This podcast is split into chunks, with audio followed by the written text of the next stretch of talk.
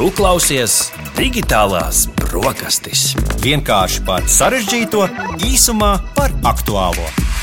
Digitālo brokastu ēdienkartē tikai saturīgas sarunas. Kosmosa izpēta ir viena no aktuālākajām un aizraujošākajām zinātnīs jomām, kurā katru gadu notiek jauni atklājumi un sasniegumi. Nereti tieši kosmosa izpētē radītie risinājumi un zinātnīs sasniegumi izrādās ļoti noderīgi arī šeit, pat uz Zemes. Šajā raidījumā mēs runāsim par šī gada nozīmīgākajiem notikumiem kosmosa izpētē un industrijā un izzināsim, kāda loma tajos ir Latvijas pētniekiem un uzņēmējiem. Kā arī noskaidrosim, kādas tehniskās jaunradas iespējas ir pieejamas Latvijā saistībā ar tik aizraujošo kosmosa tēmu. Un par šo visu sīkāk vaicāsim mūsu šīs dienas raidījuma viesiem, kur ir gan eksperti, gan arī entuziasti kosmosa jautājumos. Un ar mums kopā ir Oskars Raudiņš, Rīgas tātad tehniskās jaunradas nama Annas divi lidmodeļu un dronu skolotājs. Labrīt! Labrīt!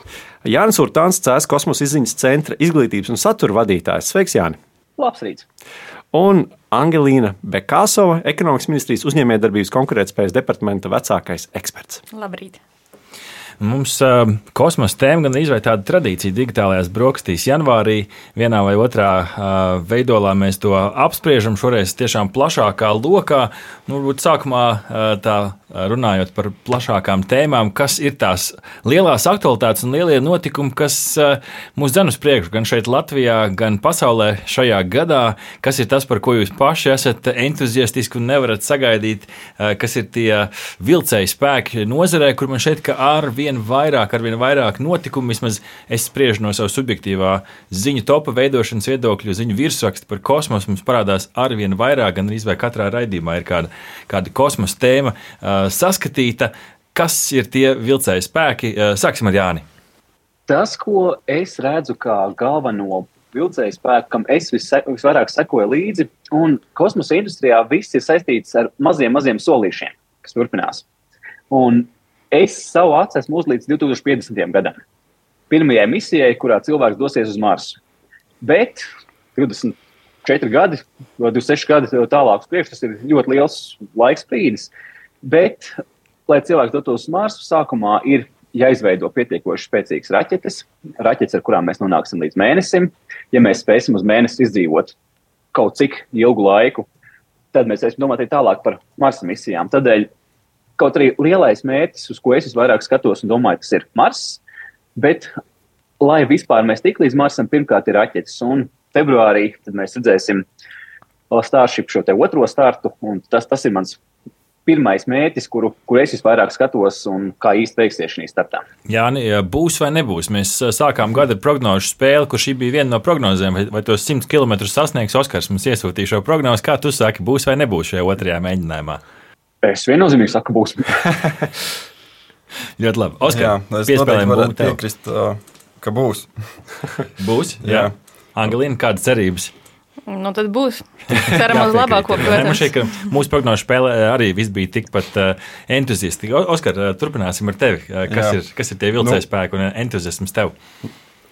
Jā, nu, šogad droši vien. Uh, Jā, arī Starship lidojums, varbūt iespējams, iespējama orbitālā degvielas pārnese no vienas raķetes uz otru. Paņemam to Starship lidojumu, jo, protams, entuziasti, kas seko līdzi, ļoti labi saprot. Bet cilvēki, kas par Starship iespējams dzird pirmo vai pat otro reizi, kāpēc, kāpēc tas ir tik būtiski un kas ir, kas ir, kas ir cilvēks, kas un mērķis aiz viņiem? Jā.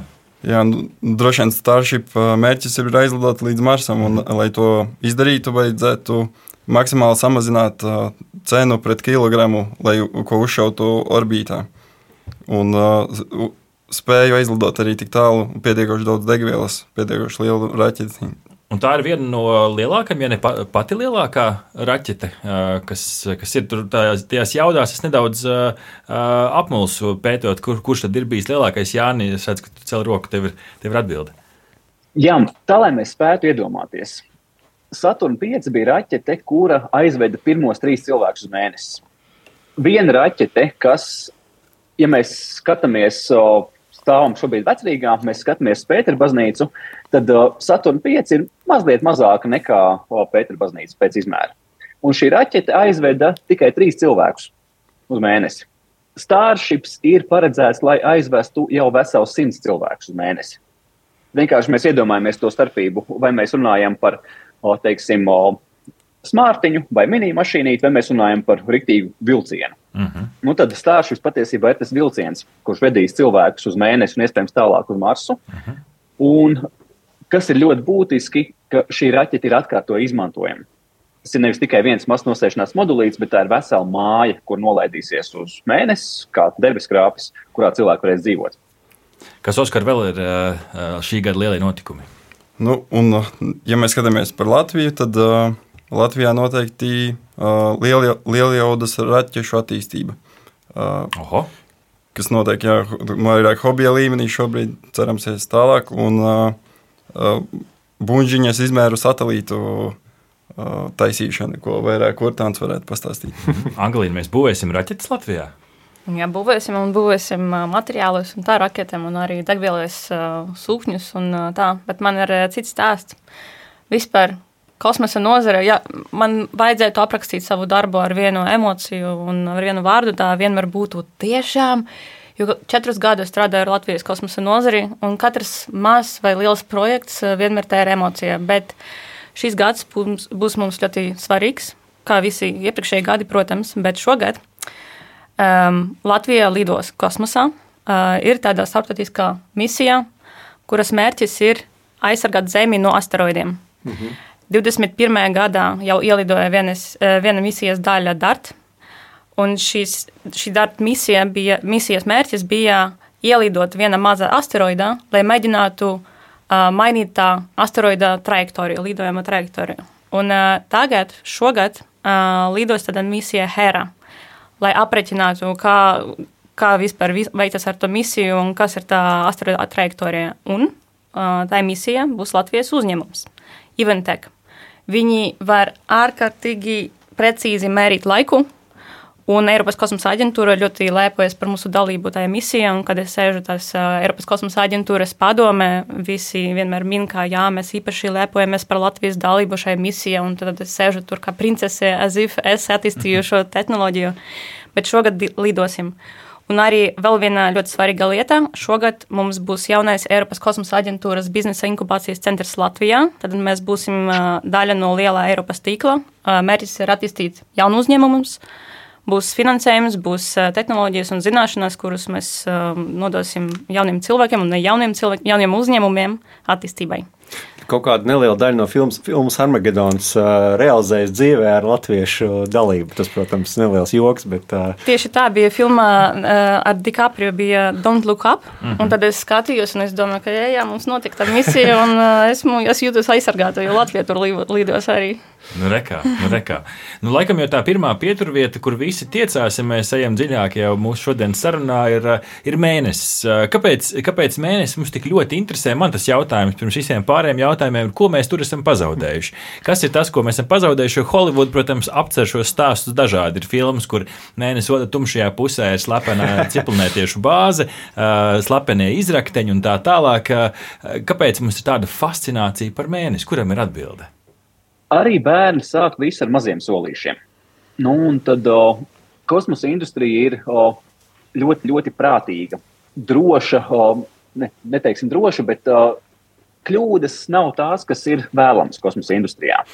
Un tieši tādēļ mēnesis ir šis nākošais solis mums, un mēnesis ir tuvākais Zemē esošais ārpus Zemes ķermenis, kur mēs varētu doties. Reizē arī tas mums ir absolūti neizpētīts, nezināms, un tieši tādēļ mēs sākam ar pirmo tuvāko iespējamo, nevis uh, mēģinam ar varbūt sajies. Šis, šis teiciens īstenībā kosmosa industrijā tā nestrādā. Mm -hmm. Tad šobrīd vēl nav runa par derīgajiem izrakteņiem, vai, vai nu, teiksim, saprotu, ka ir doma tur potenciāli būvēt kaut kādu bāzi, bet nu, šobrīd, principā, pirmais solis ir uz turieni tikt vēlreiz un, un saprast, ko mēs ar mūsu jaunajām tehnoloģijām varam tur izdarīt tikt vēlreiz, un ne tikai tikt tur, bet arī spēt izdzīvot tur. Un tā ir ļoti būtiska tehnoloģiju attīstība, jo tajā brīdī, kad cilvēki pirmo reizi bija uz mēnesi, kas bija te pirms 50 gadiem, vēl netika atklāts to, ka uz mēnesi ir pieejams ūdens. Savukārt, šobrīd mēs jau zinām to, ka uz mēnesi ledus formā ir pieejams arī ūdens. Savukārt, ko nozīmē ūdens? Jā, katru rītu es dzeru savu glāzi ūdens, bet reizē no ūdens es varu iegūt gan raķešu degvielu, gan arī skābekli. Un tieši tāpēc šis ūdens, par ko mēs pirms tam nezinājām, tas, kas šobrīd mums ir zināms, ka tur būs pieejams, atļauj mums pilnīgi citādāk skatīties uz mēnesi, kā uz vietu, kur mēs varam dzīvot, kur mēs varam uzpildīt degvielu, kur mēs varam iegūt skābekli un skatoties jau tālākām misijām. Mm -hmm. Kā varbūt no Latvijas perspektīvas, Anglija, uz šo var skatīties, teiksim, kāda ir mūsu interese būt klāt šajos notikumos? Un kā ne tikai Latvija, bet cilvēcei vienmēr būs interesanti, kas ir tur. Bet kas šodien ir labāk un foršāks nekā bija iepriekš, mēs ne tikai pamata jautājums nav, kas ir tur, bet kā mēs varam to izmantot. -hmm. Un mēnesis mums sniedz uh, lielas iespējas. Vispār, uh, vispār attīstās tā mēneša ekonomika. Un Latvija, protams, ir interesanti būt daļa no ekonomikas, jo uh, Tas nav mūsu sapnis vienkārši sūtīt uh, naudu kosmosā un tad vienkārši priecāties par to. Mēs to redzam kā mūsu eksporta iespēju. Ir lielas misijas, un mēs gribam vai negribam, tās misijas notiks. Un mēs varam, vai neve, vai mēs varam būt vai nebūt daļa no tā, un mūsu izvēle būt daļa no tā. Un mēnesis, kāpēc mums ir svarīgs, jo ne Latvija, bet vispār pasaulē, jo no uh, mēnesi mēs varam mm, palaist raketes, kas būs daudz vieglāk, jo tur atmosfēra nebremzē raketes arī Marsa, piemēram. Jā. Tieši tā. Tad tas ir Zemes pavadonis, visa pasaule katru nakti redz to mēnesi, kāpēc mēs to nevarētu izmantot, piemēram, labam komunikācijām, jo tas būtu ļoti ērti. Un tagad mums ir visas tehnoloģiskas iespējas būt tuvāk mēnesim, izmantot to, tieši Zemē. Tāpēc tas pat nav par kosmosu, tas ir par Zemi un par to, kā mēs varam izmantot mhm. tas, kas ir apkārt mūsu labā. Mm -hmm. nu jā, kāds tagad klausās un teikt, labāk eksportējam vairāk, nezinu, uz Vāciju vai ASV, bet uh, izrādās, ka varētu arī būt mēnesis eksports. Bet mēs tieši Vācijai eksportējam mm -hmm. to, lai viņi lidotu kosmosu. Tā ir vienkārši mm -hmm. vēl viena iespēja. Un šī man šķiet, ka ir tāda interesanta tendence, kas, labojot man, es kļūdos, ir tā ļoti spilgti iezīmēsies nu, pēdējā desmitgadē, respektīvi privāto uzņēmumu ienākšana spēcīgi kosmosa nozarē, jo nu, tā klausoties par kosmosu, šit kā agrāk to pārsvarā darīja valstu aģentūras vai, tā, vai to nu, tādi kā kopības. Nu, tagad mums ir nu, laikam viens no spilgtākajiem piemēriem, ir, piemēram, ir SpaceX vai arī Blue Origin raķetes. Kas ir tā privāto, privāto šo uzņēmumu nu, tas, tas dzinulis, tā loma, kur viņi pēkšņi tā ir radušies un kur tāds finansējums, jo nu, raķete tas nozīmē, nu, kā jau Jānis teica, kļūdām no vieta, tā ir milzīga, milzīga nauda. Jā, droši vien jau tas nāk no Amerikas valdības, no NASA, kad viņi izmēģināja, bija tas Space Race, uz, kurš pirmais tiks jā, līdz tam mēnesim. Tas tika sasniegts, un tad tāds klusums iestājās un izvērtēja visu to, cik nauda ir iztērēta un pārējo. Un tad uh, viss tā noklasa. Un tad nākošais jau sākās uh, privāto kompāniju ēra, kad datori attīstījās un vispārējais vairāk. Un tad tehnoloģiski viss gāja uz priekšu, un es domāju, tas arī bija tas, kas sāka dzīt to attīstību arī vairāk. Un šķiet, ka arī tas temps tomēr ir kļuvis ievērojami straujāks nekā tas bija kādreiz, kad valdības šo sponsorēja. Nu, es, protams, neatceros to laiku pirms 50 gadiem, tad iespējams tur bija citi dzinuļi un motivācijas, kāpēc kaut kas bija jādara ļoti ātri, bet nu, tādā pēdējā laikā šķiet, ka tas, cik ātri nu, tas pats SpaceX vai Blue Origin iet uz priekšu, tas tāds jauns uzrāviens, kā Arts teica, pēdējo desmit gadu laikā. Kas arī svarīgi, okay, kad mēs runājam par kosmosu, par parasti mēs redzam to kosmosu, bet atkal mēs arī, kāpēc viss tas ļoti strauji attīstās, jo mēs izmantojam kosmosu kā rīku attīstību uz Zemes. Uh, valdības vai nezinu, Eiropas Savienība mēs palaidām satelītus kosmosā. Un tie satelīti sniedz arī datus, zemes novērošanas datus vai satelīta navigācijas datus. Uh, Un mums vajag tos datus, lai mēs redzētu, kas notiek uz Zemes, vai kontrolētu, kas tur notiek. Un ideja ir tāda, ka Eiropas Savienība sniedz tos datus par brīvu visiem. Mēs visi varam to izmantot par brīvu, lai attīstītu savu uh, uzņēmumu, piemēram. Un tā ir arī ideja attīstīt uzņēmumus uz Zemes, izmantojot kosmosu kā rīku.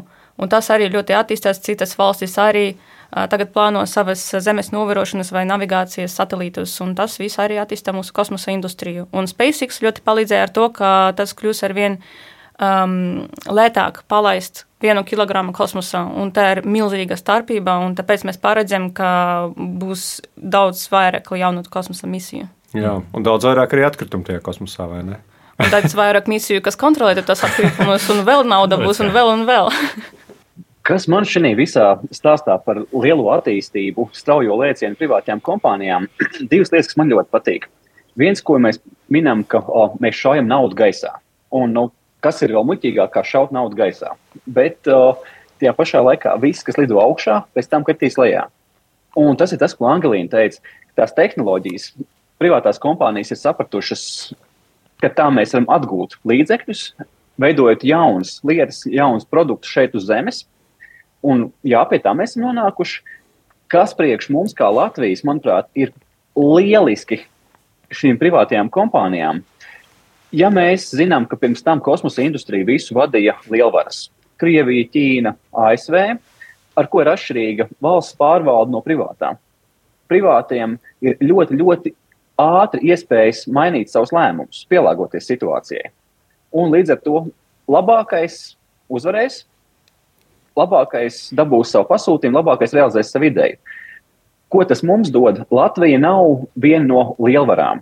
Tādā ziņā, ka mums ir sava kosmosa industrija, mēs esam tomēr, jā, mēs esam Eiropas kosmosa aģentūrā, bet mēs neesam tik liels spēlētājs. Savukārt, privātajām kompānijām ir svarīgas labas idejas. Un šeit, jā, Oskaram ir laba ideja, Jānglīnai ir laba ideja, man ir laba ideja. Es varu iet pie šīm privātajām kompānijām, prezentēt savu ideju un iegūt iespēju būt partneris viņiem. Un tas ir tas, manuprāt, labākais, kas ir noticis šajos pēdējos desmit gados.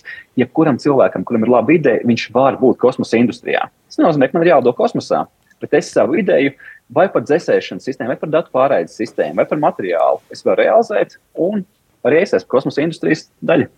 Tad sanāk pavisam reāli, ka kāda latvieša ideja nonāks uz mēnesi jau relatīvi drīz, bet eh, kad varētu kāds pirmais latviečs nonākt uz mēnesi? Jā, tas bija mans eh, virsraksts pieteikums šajā epizodē, citējot eh, prāta vētru, pirmais latviečs uz mēnesi. Tā ir utopija vai tā ir realitāte, jūsuprāt? Realitāte mēs bijām tik tuvu, lai pirmā latviete uh, tiktu izvēlēta kā uh, topoša Eiropas kosmosa aģentūras astronaute. Oho, uh, bija tā. Kā? Tad bija tā Eiropas kosmosa aģentūras astronautu atlase, un tur bija ļoti sarežģīts pieteikumu process. Mūsu Latvijas kosmosa industrijas asociācijas prezidents Pauls Irbins tur arī uh, piedalījās, un viņš palīdzēja citiem cilvēkiem piedalīties. Un, uh, tad mēs uzzinājām, ka ir viena sieviete, uh, Greenberg ir viņas uzvārds. Viņa uh, dzīvo Kanādā, bet viņas vectēvs ir latvietis. Tad viņa uh, nosūtīja savu pieteikumu ļoti sekmīgi, ka viņa izgāja cauri visiem tiem crazy posmiem. Uh mhm. -huh. Un viņa jau bija tajā um, pēdējā posmā. Uh, viņa bija intervija ar um, Eiropas kosmosa aģentūras ģenerāldirektoru.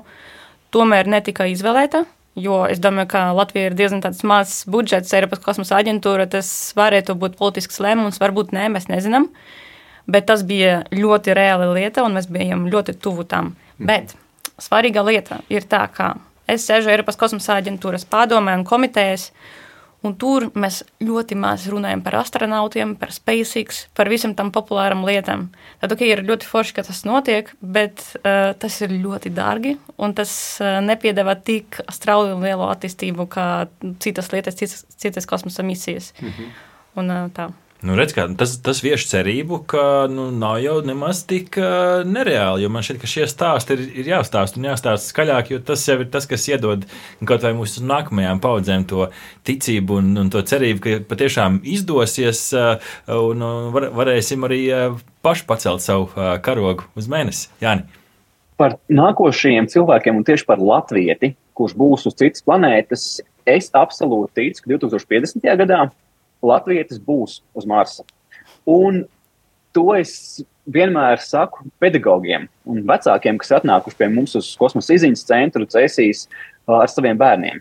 Un tā ir vienkārša aritmētika, kuru es gribu arī jums izspēlēt. Pēc cik gadiem būs 2050. gads? 25, 26, kā sanāk? Izcili 26 gadi. 26 gadi, un es tagad skatos uz pirmklasnieku. Es skatos uz Pēterīti, kurš tagad ar mazliet uh, iesnējumu degunu sēž man pirmās klases solā. 26 mīnus 12. Cik paliek gadi? Nu, vajadzētu būt kā 14. 14 gadi. 14 gadi ir palikuši līdz pirmajai misijai uz Marsu, uz, jā, pir, līdz pirmajai misijai uz Marsu, un Pēters tikko ir pabeidzis 12 klases. No 14 gadiem atņemam nost 6. Nu, Piedodiet, ja kļūdos. Astoņi. Ideāli astoņi. Pēterīs tikko pabeidza bakalauru, divus gadus studēja maģistratūrā, jo, lai kļūtu par astronautu, vajag būt kādai no STEM profesijām, un viņš tikko ir pabeidzis bakalauru un sāk strādāt. Vidēji pieci gadi ir vajadzīgi, lai cilvēks kļūtu par profesionāli savā jomā, iegūtu savu profesionālo kvalifikāciju. Tālāk no 8 atņemam 5, mums paliek šie 3 gadi. Divi gadi ir vajadzīgi astronauta atlasēji, un lai mēs sāktu gatavoties uz savu misiju. Faktiski Pēterīts šodien skolā ar tekošo puņķaino degunu ir tas, kuru es varu redzēt 2050. gadā lidojot uz Marsu. Tāpēc es absolūti ticu, ja mēs saviem jauniešiem teiksim, ka jūs variet, viņi būs tie, kas piedalīsies šajā misijā, un tad Latvija savu karogu noliks uz Marsa. Viena motivācija uh, tagad nav jābūt STEM studentam vai profesionālim, ja, lai būtu uh, kļūtu par astronautu. Tad, kad bija tā atlase, Eiropas kosmosa aģentūra bija vienalga, ko tu studēji. Pēc man arī piedāvāja sūtīt savu pieteikumu, bet nē, nē, nē man uh, bail. Bet es jautāju Eiropas kosmosa aģentūra vai darbiniekiem vienkārši, vai jūs gribētu aizlidot kosmosā un uzreiz atbildēja visiem, nē, nē, no way. Jo visiem ir tik lieli riski, cilvēkiem bail, un varbūt viņi ir jau daļa no kosmosa nozares, bet uh, neteiktu, ka pat uh, visi tik sapņo par kosmosu. Visiem cilvēkiem bail. Bet nu, ir tie cilvēki, kuri ir tie, kuri pārvar tās robežas, un tādi katrā sabiedrībā ir gal galā arī nu, apliecinājums tas, ka gan Pauls ir, gan arī pieminētā, uh, pieminētā Latviete, latviešu saknēm sieviete no Kanādas. Tas, tas nozīmē, ka ir tomēr tie cilvēki, kuri grib tās robežas pārvarēt. Nu, un, un par šīm robežām runājot, nu, mēs, mēs minējām mēnesi kā to pirmo, pirmo, pirmo testa, testa soli eh, ceļā uz Marsu. Kas ir no nu, angliski tas teiciens, kas ir tas endgame, jeb kas ir tas mērķis, uz ko mēs tiecamies Marsa iekarošanā? Jo es nesen starp virsrakstiem pamanīju, un es tiešām ceru, ka šī ir, ir patiesa ziņa, dažkārt ir jāfiltrē tur eh, patiesas paziņojumi no, no, no vienkārši skaļiem virsrakstiem, bet nu, eh, pirms šeit esot publicēts Advancing Earth and Science žurnālā, pētījums, kas apliecina, ka pēc četriem pavadītiem gadiem uz Marsa virsmas radiācijas līmenis kļūstot nu, tik nedrošs un bīstams cilvēku ķermenim, ka tur nu, tā ilgtermiņā atlaist kājas pensijas vecumā gluži nevarēs, ka vajag tomēr lidot atpakaļ. Un man tad radās tas jautājums, nu, kāpēc mēs to darām, ja turpat nevar dzīvot nu, ilgākā termiņā? Ir ļoti daudz šādu pētījumu. Un ko ir svarīgi atcerēties, ka es runāju tikai un vienīgi par to, ko es zinu šodien. Un šīs dienas materiāli, ja nav pareizi izmantot, tad jā, četru gadu laikā var akumulēt pietiekoši daudz šo radiāciju, lai o, sekundāra radiācija mani jau varētu negatīvā veidā ietekmēt. Jā, bet tajā pašā laikā, ja mēs liekam roku kabatā, paņemam savu mobilo telefonu, vai mēs pirms desmit gadiem varējām iedomāties, ka šis telefons būs jaudīgāks nekā jebkurš kosmosa misijā izmantotais dators tajā brīdī, kad raķete tika laista uz mēnesi, piemēram. Vai arī, ka ar šo telefonu es varēšu nofilmēt video priekšfilmetrāžas filmas. Tas nešķiet vienkārši reāli. Un šodien es saku, jā, ka o, man vēl nav materiāla, kur vairāk kā četrus gadus varētu labi izturēt radiāciju uz Marsa bet man ir vēl 26 gadu laika šīs problēmas risināšanai. Un, ja mēs zinām, ka no, skatāmies vienkārši uz vēsturi, o, tad, kad o, ASV prezidents teica, ka līdz dekādas beigām cilvēks būs nogādāts uz mēnesi, tajā brīdī tas bija absolūti kaut kas nezināms, neiespējams. Četru gadu laikā, apmēram astoņu gadu laikā, iesaistīties 400 tūkstoši cilvēkiem raķetes būvniecībā, cilvēks droši nokļuva uz, uz mēnesi un pēc tam nolādās atpakaļ uz Zemes. Tāpēc mums ir ļoti daudz laika, un es absolūti nebaidītos no tā. -hmm. Vēl kāds piebilst par Marsu? Oskar, varbūt. Jā, nu, tur ir uh, daudz tehnoloģisko aspektu, jā, un uh, par radiāciju runājot. Uh, no tehnoloģijām tur jādomā 3D printēt, nu, izmantojot uz vietas pieejamus materiālus un uh, visu to dzīvošanu darīt zem zemes sākumā vismaz. Mm. Man šķiet, ka Netflixā bija kaut kas līdzīgs vienā no tiem uh, fantastiskiem seriāliem, kas prognozēja, kā mēs tur lidosim. Tur, laikam, scenārijs bija kaut kur līdzīgs, vai ne? Kad nolaidās pazemē, meklēja to ūdeni un uh, centās, centās izturēt.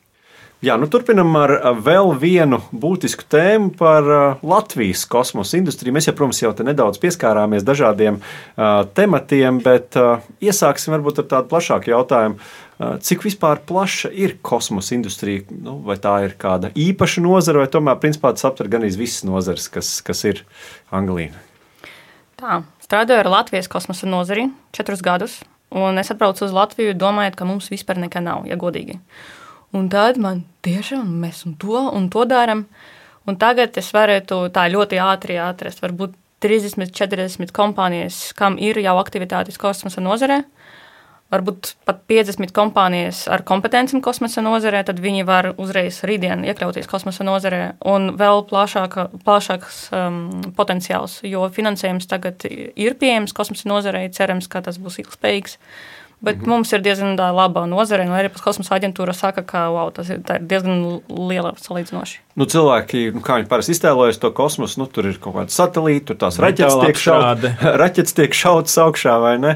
Uh, bet droši vien, ka tur ir vēl daudz, kas jau tiem kosmonautiem tur augšā ir gan jāēd, gan, gan jādzīvo, gan, protams, tur ir nu, neiedomājami daudz dažādu materiālu, saziņas, uh, dažādas ierīces uh, un tā tālāk. Un tā joprojām, uh, nu, kas varbūt ir tās industrijas vai, vai tās tās jomas, kur, kur Latvija darbojas šajā lauciņā? Nu, Skatoties, es uh, sadalītu mūsu kosmosa nozari četras uh, kategorijas grupās. Pirmais ir zemes segments. Tad uh, daudz cilvēki zina, ka mums ir ļoti vērtīga infrastruktūra, ir BNS radioteleskops un arī citi teleskopi. Uh, tas ļoti prestiži, ka mums ir tāda infrastruktūra, svarīgi to izmantot, un to var izmantot uz uzņēmēju darbībai. Tad Mums ir tehnoloģijas un instrumenti. Mēs koncentrējamies uz nišas uh, tehnoloģijām. Uh, tas arī ir uzrakstīts Latvijas kosmosa, industri, uh, Latvijas uh, kosmosa stratēģijā. Starp citu, fun fact, mūsu Latvijas kosmosa stratēģija uh, skaitās kā piemērs citam valstīm, kā rakstīt pārīzi un labi kosmosa stratēģiju. Un, uh, tā cirkulē citas Eiropas, Eiropas, Eiropas valstīs. Uh, Tad jā, par um, instrumentiem, tehnoloģijām mums ir nišas instrumenti, ar tām mēs piedalāmies ļoti svarīgas misijas. Un, uh, bieži vien nav tā, ka mēs ļoti lūdzam iekļaut mūsu kaut kādā misijā. Mūs prasa attīstīt kaut kādu tehnoloģiju savam, saviem, uh, savam vajadzībām. Piemēram, Latvijas uzņēmums Alat, Alaterm. Viņi attīstīs degvielas sūkni Lunar Gateway kosmosa misijai tā misija lidos ap mēnesi, un tad viņam būs ļoti svarīga, maza, bet svarīga tehnoloģija. Un uh, tikai Eiropā, Eiropā tikai viņiem bija tāda kompetence. Tas ir ļoti svarīgi. Tad uh, mēs analizējam kosmosa datus, gan satelīta datus, gan kosmosa, kosmosa datus. Tā ir ļoti svarīga kompetence, jo šeit var tiešām pelnīt, jo tas viss ir par digitalizāciju. Un mums ir arī izglītība un pētniecība. Tas ļoti svarīgi, jo es domāju, tas ir diezgan uh, um, motivējuši kaut ko uzzināt par kosmosu, um, mācoties matemātiku, inženieriju un fiziku un uh, tādus priekšmetus. Tāpēc uh, četras kategorijas - infrastruktūra, tehnoloģijas, dati un izglītība - viss tas mums ir. Mm -hmm. nu, ja mēs skatāmies uz to uzņēmumu profilu, nu, tie pamatā ir kaut kā tādi mazi jauni uzņēmumi vai specifiskas zinātnieku grupas nu, ar ļoti specifisku kompetenci, vai mums ir piemēram arī kādi lielie ražojušie uzņēmumi, kas, kas piedalās uh, šādā kosmosa industrijā. Kā, kā varētu raksturot šādu uzņēmumu vai, vai institūciju, kas piedalās kosmosa industrijā? Parasti šie uzņēmumi ir diezgan mazi, un svarīgi pieminēt to, ka mums nav kosmosa, kosmosa uzņēmumu. Visi uzņēmumi izmanto kosmosa kā attīstības iespēju, bet viņi vienlaikus kaut ko attīsta un pārdod arī zemes izman, izmantošanai uz zemes. Mums ir arī daži lielāki uzņēmumi, kas iesaistās kosmosa nozarē. Mikrotīks, piemēram, pārdeva savu mod, modēmu SpaceXam. Um, vai IPS optikas. Viņi strādā optikas nozarē, diezgan liels ASV Latvijas uzņēmums. Latvijas valsts mēži viņi analizē ļoti sekmīgi analizē zemes novērošanas datus, tad satelīta datus. Bet tas ir mans sapnis un mērķis iesaistīt vairāk lielu Latvijas uzņēmumu kosmosa industrijai, jo tas būtu gan mums labi, gan Eiropas kosmosa aģentūrai, jo mums vajag tas ļoti labi attīstītas kompetences, bet kosmosā. -hmm. Kungi, kā jūs skatāties uz, uz Latvijas kosmosa industriju? Jāni, varbūt tu sāc. Manuprāt, tā ir izcila industrija, kuru attīstīt un uz kuru skatīties kā uz potenciāli savu nākošo darbu vietu. Un tas ir lieliski, ka kosmosa industrija prasa nenormāli plašu, lielu zināšanu loku un arī vajadzīgās lietas, teiksim, loģistika. Kāds loģistikai sakars ar kosmosa industriju? Nu, ne jau ar raķetēm mēs pārvietosim kravas. Bet izrādās, lai uzbūvētu vienu raķeti, tiek iesaistītas vairāk kā 80 valstis, kurās tiek ražots visi resursi, materiāli, tas viss kādam ir jāsaved kopā. Līdz ar to pat loģistikas speciālists Latvijā, kurš ir jauns, centīgs, gudrs, viņš var būt tas, kurš izveido visu piegāžu ķēdi priekš nākošā starta. Mhm. Tāpēc tā, tā, tas iespējas ir lielisks, un mēs, ja mēs esam gudri, mēs varam būt iekšā, protams. Oskar? Jā, un no tehnoloģiju puses tas tāpat kā uz Zemes. Viss, kas tev vajadzīgs šeit, ir vajadzīgs arī kosmosā. Tad, tur tikai grūtāk visu to darīt. Mm -hmm. Un tad jāatrod tie veidi, kā pielāgot. Un saprotu, ka tu, tu konkrēti strādā ar, ar jauniešiem, ar jauniem entuziastiem. Kā, kas ir tās izpausmes, kā Latvijā jauni, jau, nu, jauniešu līmenī var kaut kādā veidā vismaz ja pamēģināt savu roku? Uh, Latvijā ir vairākas interešu izglītības iestādes, kur ir uh, dažādi pulciņi, uh, kuros var apgūt uh, dažādas ar raķešu zinātni un ne tikai fiziku un vispārējo saistītas lietas. Jā, un tad arī notiek arī dažādas sacensības, uz kurām var braukt. Un, īstenībā šogad mēs arī bijām, aizbra... gadu bijām aizbraukuši uz pasaules čempionātu Amerikā. Oho, un kā veicās? Nu, vispār globāli ļoti labi un izdevās atvest mājās ceļojošo kausu. Redz, kā Nu, tad uh, mums ir ar, ar aplausiem šeit, ka uh, malečs prieks mums ir tā jaunā, tā jaunā paudze, kas tiecās uz kosmosu. Kas ir, kas ir tas, kas jauniešus, tavuprāt, motivē iesaistīties? Tas ir, uh, tas ir uh, joprojām tas azarts, tā ir tas kaut kāds spēles elements, tas ir uh, nezināmā pētīšana, kas ir tie dzinuļi jauniešiem. Jā, nu, droši vien attīstīt domāšanu, uh, radīt kaut ko.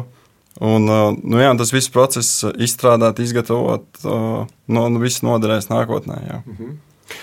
Anglija, kas ir tie mērķi, tie nezinu, ceļa rādītāji, uz kuriem jaunieši šobrīd var skatīties? Nu, kas ir tie um, konkrētie uzņēmumi vēl, uz, vai kuri virzieni, kuros mēs esam stipri, kur var, var um, iesaistīties tāds jaunieks, kurš domā, pēc, nezinu, pēc pieciem gadiem, pēc septiņiem, varbūt pat pēc desmit gadiem es varētu būt tur. Kas ir tās jomas, kur varbūt kādi konkrētie piemēri, bez jau nosauktajiem, kur mēs esam stipri kosmosa industrijā? Es teiktu tā, ka nu, var krit, es nekritizēju, man tas patīk, bet var kritizēt Latviju, ka mēs nekoncentrējam savas kompetences kaut kādā šaurā nozarē. Manuprāt, tas ir labi. Ja, ja tev patīk materiāla zinātnēs, tad paliek šajā nozarē. Es negribētu, lai es teiktu uzņēmumiem darīt to vai to. Piemēram, Citas valstīs, piemēram, eh, Igaunijai, viņiem ir konkrē, konkrētāks šis fo fokus. Mm -hmm. Bet kas ir svarīgi kosmosa nozarē, globālajā kosmosa nozarē, un Latvijai tas ļoti interesē, ir komercializācija, tad uzņēmēja darbība. Mums ir ļoti labi attīstīta zinātnē, gan kosmosē, gan ārpus zinātnēs. Mēs vienkārši kaut kā esam ļoti kautrīgi un nerunājam par sevi. Bet, ja mēs zinām detaļas un ja mēs piedalāmies citas partnerības vai konsorcijos, Visi ir pārsteigti, ka, au, au, Latvija ir tādas un tādas ļoti vērtīgas zināšanas. Bet pārvērst tās zināšanas uz uzņēmējdarbību, tas ir izaicinājums. Tāpēc mans ieteikums jauniešiem būtu saprast, kas jums patīk, ko jūs varat darīt, atrast draugus vai sadarbības partnerus un domāt, kā pelnīt no tās nozares. Jo šī nozara ir vien, viena no visstraujāk augošām nozarēm pasaulē. Tur būs nauda, tur būs vēl vairāk misiju, mēs esam tikai sākumā. Tāpēc es domāju, ka ideja kaut ko papētīt kosmosā nav slikta. Ja nesanāks to ierakstīt CV, kā mm man ir bijis kosmosa projekts, mm tas būs diezgan pievilcīgs, labs plus mm dokumentā. Un kas varbūt potenciāli ir tie čempioni, kas tagad ir pie apgāža? Nu, teiksim, mēs jau pieminējām, ja tur ir uzņēmums, kas uh, piedalās tajā uh, starptautiskajā kosmosa stacijā Lunar Gateway, ja, nu, tas ir saka, sūkņi, ja es pareizi saprotu. Tad tāpat ir uh, uh, Eventek ar, ar, šiem, ar šo te Hēras uh, misiju, ja, aizsargāt Zemi no asteroīdiem asteroīdiem, kas varbūt vēl ir tādi lielie vārdi, ko, ko, ko šobrīd jau var nosaukt, kas, kas ir jau tie veiksminieki. Tad, jā, okay, pirmais bija uh, Alaterm, tad Iventek, uh, tad mums attīstas uh, jauni uzņēmumi. Tagad uh, grūti pateikt, ka viņš būs uh, šis līderis, jo tagad ir, mēs esam tikai sākumā. Mēs nezinām, kā tas uh, tālāk attīstīsies. Katru gadu man, mums var būt desmit jauni dalībnieki kosmosa nozarē. Uh, Tāpēc mēs nezinām, cik strateģiski tie uzņēmumi skatīsies tajā attīstības virzienā.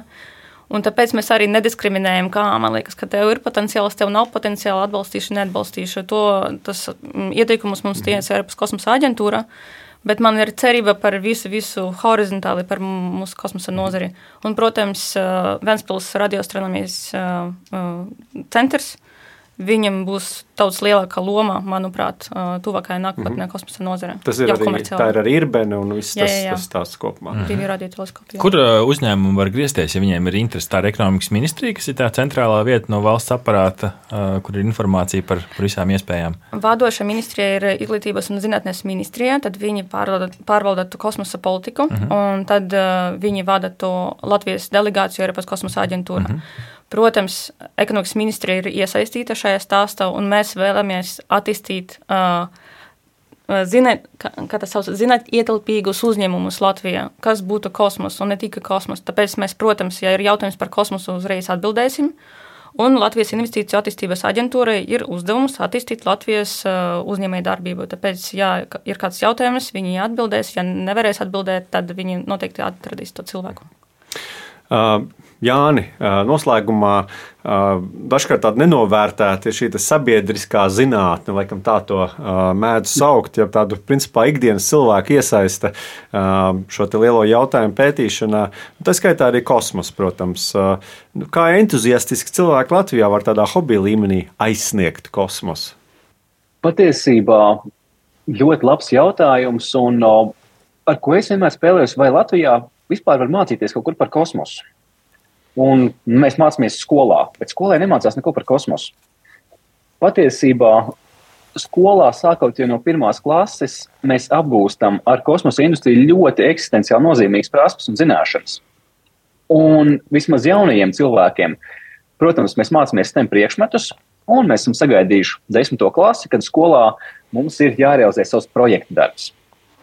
Un mēs varam taisīt ierastu aptauju, aptaujāt vecmāmu, vectēvu un citus, vai varam Oskara pieminētās sacensības kansat, kas ir kosmosa izziņas centra Eiropas Rotas aģentūras kopīgi veidotas sacensības, kurā jaunieši būvē mikrosatelītu.